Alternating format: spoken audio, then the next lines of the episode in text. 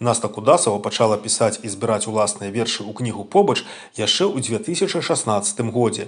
У асноўным яны насілі лірычны змест, адлюстроўваючы ўласныя перажыванні паэтэсы.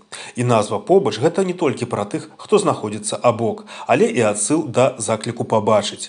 Такая своеасаблівая гульня слоў. Пасля падзей 2020 года крыху змяніліся наратывы вершаў. У выніку кніга стала зборнікам твораў пра самоту і надзею, пра пошук сябе і радзімы ў шалёных варунках рэчаіснасці. Нетуючы асабістае, гістарычнае, моўнае і візуальнае, зборнік паказвае шматаблічны свет растрывожнага сучаснасцю чалавека, ад роспачы і зняверанасці да захаплення жыццём. У той жа час мастачка Святлана Дзімідович, чымі малюнкамі аздоблена гэта ілюстраванае выданне, убачыла ў вершах дарогу, па якой ідзе чалавек. Распавядае Наста Кудасава. Кнігі побач проста быў вельмі даўгі такі пакрушачцы шлях. І мы некалькі гадоў яе рыхтавалі доўга рыхтавала я вершы а потым доўга святлана малявала малюнкі. То бок гэта такая кніга ў суаўтарстве са святланай дзімідович і потым мы яшчэ вельмі доўга хацелі каб яна выйшла ў беларусі ўсё спадзяваліся што атрымаецца. Таму гэта кніга такая асабліва для мяне дарагая яна выйшла ну такой надзвычайнай такой вось не падобнай да іншых бо ну сапраўды вельмі шмат туды ўкладзена сіл. Якія там вершы? Ну ўсё тое што я пішу як бы гэта такое ну я мне здаецца ўсюды аднолькавае а туды ўвайшлі вершы напісаныя прыкладна з 2000 можа быть 16 -го года по двадцаты недзе так. Вось э, ну, абсолютно на розную тэму мне хацелася зрабіць такой больш універсальнай ну і гэтая назва она як бы кажа про тое что тут скажем ну туды трапілі тэксты на такія агульначалавечыя нейкія тэмы гэта і тэма кахання тэма адзіноты і пошук сябе як бы чалавек які спрабуе ну знайсці сэнс э, жыцця і як бы вот усе вот тыя варункі которые мы трапілі сённяшнія нашы таксама там э, адлюстраваныя тое што адбываецца ў беларусі там ну некалькімі вершамі таксама намечана з два двадцатого года.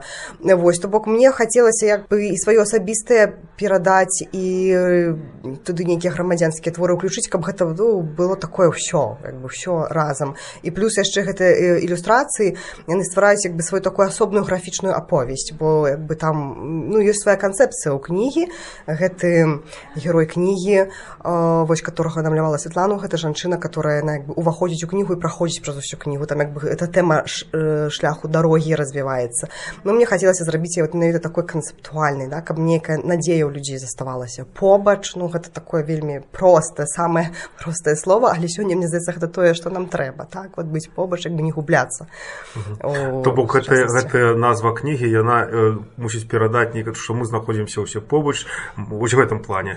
Ну найперш так калі такім звычайным сэнсе а яшчэ канешне там ёсць падзагаловак у кнігі побач будь і пабачыш. Для мяне побач гэта яшчэ слова ад дзеяслова пабачыць то бок быць побач гэта бачыць як бы глядзець на адно на аднаго так? Як бы не закрываючыся ад чалавека который з табою побач. Бачыць яго бы чуць ягоныя праблемы любіць яго прымаць яго. Ну можа быць такія хрысціянскія ў нейкім сэнсе каштоўнасці вы казалі што э, вершы ў гэтую кнігу ўвайшлі як яшчэ напісаны ў беларусі так і ўжо напісаны ў замежжы розніца паміж тымі вершамі і э, нядаўнімі ёсць якая-небудзь такая канцэптуальная эмацыянальная можа ну, думаю што эмацыйныя канешне ёсць і безумоўна тэмы сталі хваляваць трошку іншае бо ну цяжка закрыцца ад таго што адбываецца ў свеце і тэма два -го года там ну, адлюстравалася тэма вайны ўжо не бо кніга выйшла ну так задуманая была троху раней што таго як вайна пачалася. Але так ўсё тое што пражывала Беларусь у двадцатым годзе там адлюстравалася і верш пра курапаты вот гэты мы не верылі ў 37 да нас пагрукаў двадцаты который звычайна все там цытуюць і чамусьці лічаць яго такім важным. Ён таксама трапіў тую кнігу. Мы любілі замкнуцца дома каб не чуць выццё курапату мы верылі ў 37 і да нас пагрупаў 20 гэта вусціш сапрэлым лісцю набіваецца ў торбы цел я б хацел прачнуцца выйсці выплыць вылецець я б хацела.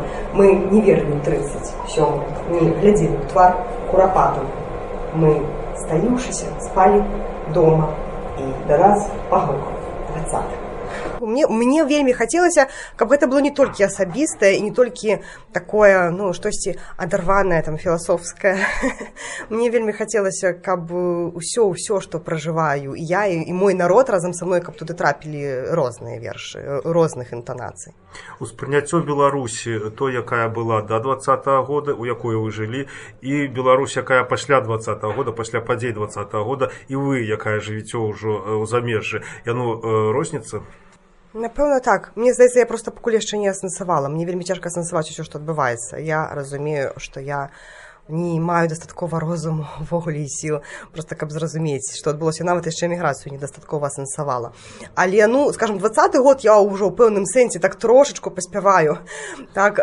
неяк усвядоміць прыняць як бы зразумець што там адбывалася з нашымі людзьмі можа быць гэта тое што ну трошачку больш так прапрацавана ўжо ў творчасці.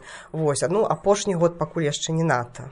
Паводле аўтаркі водгукі на яе кнігу настолькі цудоўныя што пад іх хочацца стварыць асобную старонку. Ведаеце у нас часта скардзяцца пра тое што няма літаратурнай крытыкі ў беларусі. Ну я разумею што ў цяперашніх умовах вельмі цяжка ўсім працаваць і крытыкам таксама. Але мне э, па шчырасці нават і не хочацца мне не так важно меркаванне прафесіяналаў крытыкаў для мяне вельмі цёплае і важное вот меркаванне просто звычайных людзей которые разгарнули гэтую кнігу прачыталі і скалі склалі сваё такое меркаванне і часам гэта такія вялізныя разгорнутыя лісты вельмі цёплыя вельмі сэнсаваныя напоўненыя настолькі шчырымі асабістымі нейкімі перажываннямі э, пасля которых ну направду хочацца жыць і пісаць далей это разумееш што гэта мае нашмат большы сэнс чым там крытыка апублікаваная ў нейкіх перыядычных выданнях. Направду я, я і раней атрымлівала лісты ад чытачоў а вот пасля гэтай кнігі мне здаецца ну неяк асабліва много таких шчымлівых было. Можа таму што мы ўсе раз'ехаліся беларусы такія разарваныя і гэтая побач яно нас так вот прыцягваем і прыцягваемся. Не не ведаю чаму.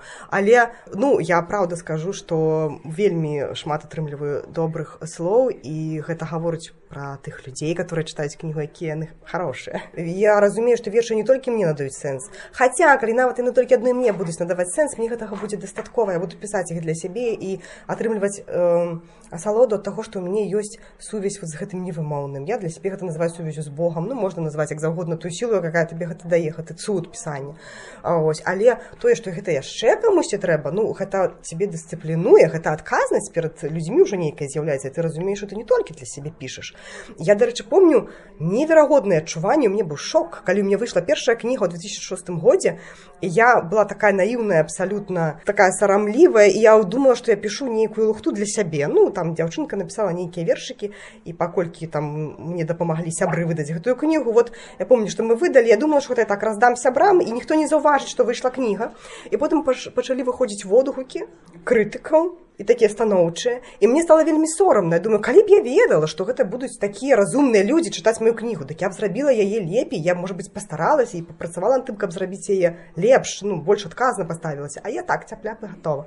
Вось. І я з той пары запомніла што ну калі ты ўжо нешта робіш і выпускаеш у людзі не ў стол пішаш то ўсё-таки трэба памятаць што людзі гэта прачытаюць як это ім адгукнецца. Трэба думаць што ты даносіш якую думку там гэта дэпрэсіўная там штосьці ці ты можа все-таки дасі надзею людзям калі яны направду гэтымі вершамі могуць лекавацца калі такі эфект магутны ёсць у слов і у цяпле пеючы і ў пакутлівай роспачы стогнучы.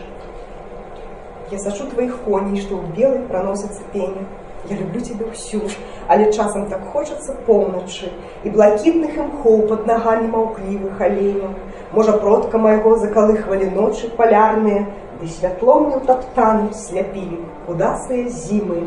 Цяпер я навечны вандроўнік з адзінаю мараю маўчацца ў прастор незнаёмай далёкай радзімы Што ж тычыцца эміграцыі, то паводле спадарыні насты у яе былі спробы асэнсаваць будучы пераезд, яшчэ знаходзячыся ў Беларусі. Калі я прыехала ўжо сюды, то я чамусьці не, не зусім разумею, што я адчуваю, бо я адчуваю цэлы спектр пачуццяў розных і добрых і дрэнных і тут штосьці мне падабаецца, штосьці не, то я пакуль яшчэ не гатовая напэўна неяк выказацца. Я я можа быць як і яўген барышнікаў таксама як бы я пакуль не магу пра гэта не казаць не пісаць. Я не зразумела я гэта ў камандзіроўцы нейкай доўгатэрміновай ці нейкай вандроўцы я не знаю пакуль. Я стараюся просто пра гэта не думаць а штодня працаваць каб не пачаць сумаваць. І все бы гэтым абмяжоўваюсь там дзе лета ахоўвае шчасце няўлоўна трымт зялёнага лесу на ўсцяж раскашуецца хорам там па сцежках чароўных чароўных ходзяць звяры там дагэтуль жывыя давер з багатай сорам.